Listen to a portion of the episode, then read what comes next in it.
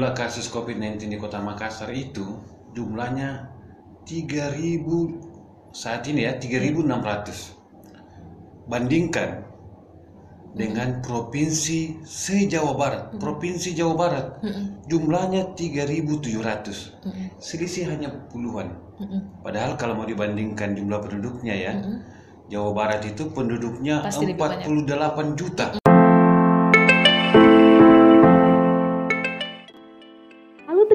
Bersama Senor Fajriani Ririn, jurnalis Tribun Timur. Anda sedang mendengarkan podcast Tribun Timur karena telinga mata kedua. Tribuners, di episode kali ini dalam program Salam Tribun, kita akan kembali berbincang dengan News Manager Tribun Timur yakni Jumadi Mapangandro. Halo Kak, apa kabar? Kabar baik Mbak Ririn. Iya, oke Kak. Nah, seperti di pekan lalu nih Kak, kita akan kembali membahas soal fokus pemberitaan headline di halaman muka Tribun Timur selama sepekan terakhir. Jadi sepekan terakhir ini Kak, apa berita yang paling terpopuler di halaman muka Tribun Timur? Eh, sepekan terakhir kita masih mengangkat tentang perkembangan COVID-19 di Sulawesi Selatan, terkhusus di Kota Makassar. Tapi kami mengambil sisi eh, suara protes dari Ikatan Dokter Indonesia cabang Makassar, di mana mereka menyoroti tentang penanganan COVID di Makassar ini yang dianggap masih kurang maksimal. Buktinya eh, tingkat penularan di Kota Makassar itu sangat tinggi. Bisa dibayangkan, Mbak Ririn ya, Mhm. jumlah kasus COVID-19 di Kota Makassar itu jumlahnya 3000 saat ini ya 3600. Bandingkan dengan provinsi se-Jawa Barat. Provinsi Jawa Barat Mhm. jumlahnya 3700. Mhm. Selisih hanya puluhan. Mhm. Padahal kalau mau dibandingkan jumlah penduduknya ya, Mhm. Jawa Barat itu penduduknya Pasti lebih 48 juta. Mhm, betul, Lebih betul. 48 juta. Mhm. Makassar 1,5 juta. Iya betul. Jumlah penduduk yang sangat berbeda ini, tapi jumlah kasus positif COVID-19-nya itu hampir, Hampir sama. sama. Betul Kak. Maka ID Makassar eh, berpendapat bahwa angka ini sangat sangat menyeramkan. Mhm. Bahkan Ketua ID Kota Makassar Mhm. sampai mengatakan bahwa saya takut keluar Mhm. rumah. Betul. Makassar ini sudah makin menyeramkan. Mhm. Itulah kenapa kami anggap ini harus menjadi perhatian Mhm. kita. Maka kita angkat sebagai headline di Koran Tribun Timur di halaman 1 Mhm. supaya ini menjadi perhatian bersama. Mhm. Ini menganggap bahwa eh, perlu ada eh, semacam pengetatan kembali di Kota Makassar dalam rangka mencegah penularan COVID-19 di Makassar ini. Bahkan ini menganggap perlu eh, dipertimbangkan kembali eh, Makassar diberlakukan PSBB, PSBB. sampai satu bulan.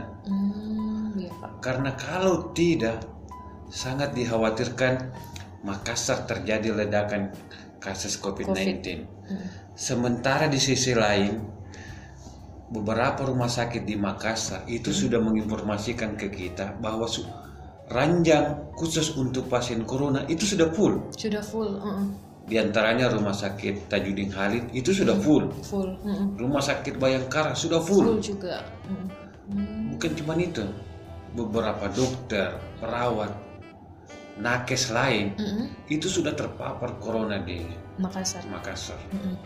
Sehingga ini menganggap perlu ada langkah-langkah yang sangat eh, lebih optimal lagi dilakukan oleh pemerintah, Hmm. khususnya yang berada di gugus COVID-19 Kota Makassar.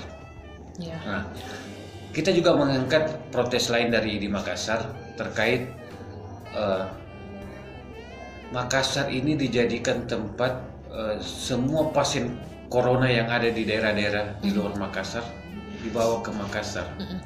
Ini menganggap ini juga berisiko. Pertama, eh, pada saat pengiriman mereka dari daerah ke Makassar itu juga berpotensi terjadi penularan. Jadi Makassar menganggap bahwa mestinya pasien COVID-19 ini ditangani juga di rumah sakit di daerah masing-masing. Iya betul.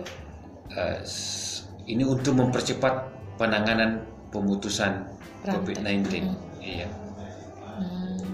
Saya kira ini yang kita anggap perlu menjadi perhatian bersama sehingga itulah yang mendasari Tribun Timur eh, memutuskan bahwa berita tentang perkembangan COVID-19 ini masih perlu kita angkat menjadi headline bahkan beberapa hari terakhir. Kami menganggap bukan kami ya kami juga harus menyampaikan eh, pesan dan analisa dari ID yang menganggap bahwa COVID-19 di Makassar ini angkanya yang sudah sangat mengkhawatirkan. Mm-mm. karena itu kebijakan-kebijakan yang mengarah pada new normal Mm-mm. Menurut ID belum tepat. Belum tepat. Belum tepat. Sehingga eh, ini juga harus kami sampaikan ke publik. Iya betul sekali kak. Heeh. Dengan tadi yang Makassar per 6 Juli itu sudah 3 ribuan kak. Terus 3.600 3.600 sedangkan Sulsel itu sudah 6 ribuan per hari. ya Sampai sekarang ini sudah ada 6.192 per 7 Juli 2020. Itu kak kalau redaksi sendiri melihat gebrakan PJ Wali Kota yang baru itu kak bagaimana? Ya, sebelum kita masuk ke gebrakan yang dilakukan oleh PJ Wali Kota Prof. Budi Jamaluddin, Mm-mm. saya ingin menyampaikan lagi sedikit tambahan tentang eh, analisa ide Mm-mm.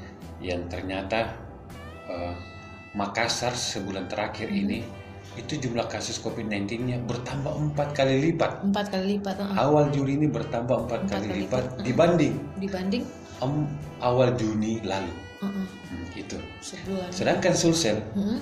awal Juli ini dibanding dengan awal Juni. awal Juli ini dibanding dengan awal Juni, Juni. lalu Heeh. itu terjadi peningkatan sebanyak tiga kali lipat. tiga, tiga kali lipat heeh. Jadi itu sehingga kali dianggap ini ini eh, sosial tidak boleh lagi main-main mengatasi. Mm-mm. Bukan maksudnya main-main ya. Harus ada langkah sangat-sangat serius Mm-mm. untuk mengatasi Mengatasi COVID-19. COVID. Nah, terkait hal itu memang eh, perlu juga kita berikan apresiasi pemerintah Provinsi Sulawesi Selatan yang melakukan eh, rapid test massal. mm-mm. Tapi ini ini menganggap mestinya pemeriksaan swab, Swab lewat lebih PCR tepat. yang lebih Mm-mm. masif ya. Mm-mm. Nah, mungkin itu ada beberapa pertimbangannya Mm-hmm. secara medis.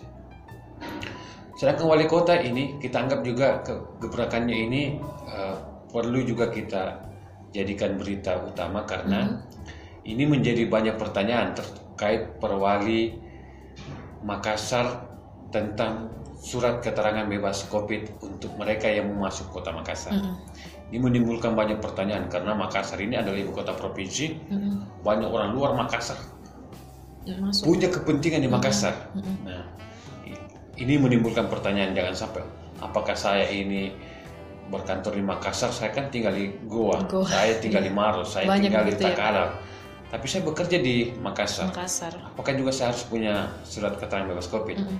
Nah, beruntunglah eh, kami dapat informasi terbaru melihat Mm-mm. isi pasal-pasal yang ada di Perwali itu menyebutkan antara lain mereka yang tinggal di luar Makassar tapi bekerja di kantor atau berkantor di Makassar itu bebas masuk. Mm, bebas masuk. heeh. Tentu dengan memperlihatkan bahwa dia ada bukti bahwa dia bekerja di kantor. Mm-mm.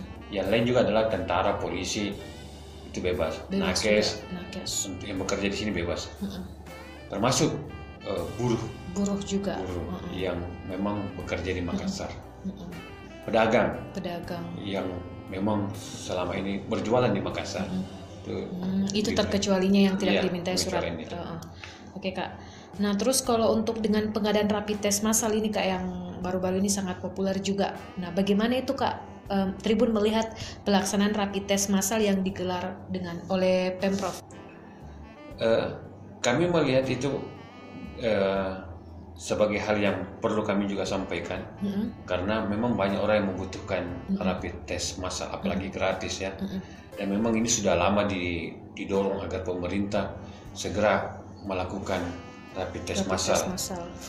walaupun sebagian orang menganggap, menganggap itu terlambat, tapi itu sudah dilaksanakan dan itu kita anggap eh, patut diberikan apresiasi.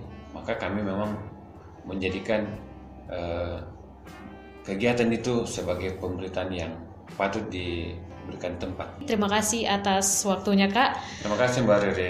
Terima kasih dan jangan lupa dengarkan lagi podcast selanjutnya bersama saya Ririn. Be happy dan goodbye.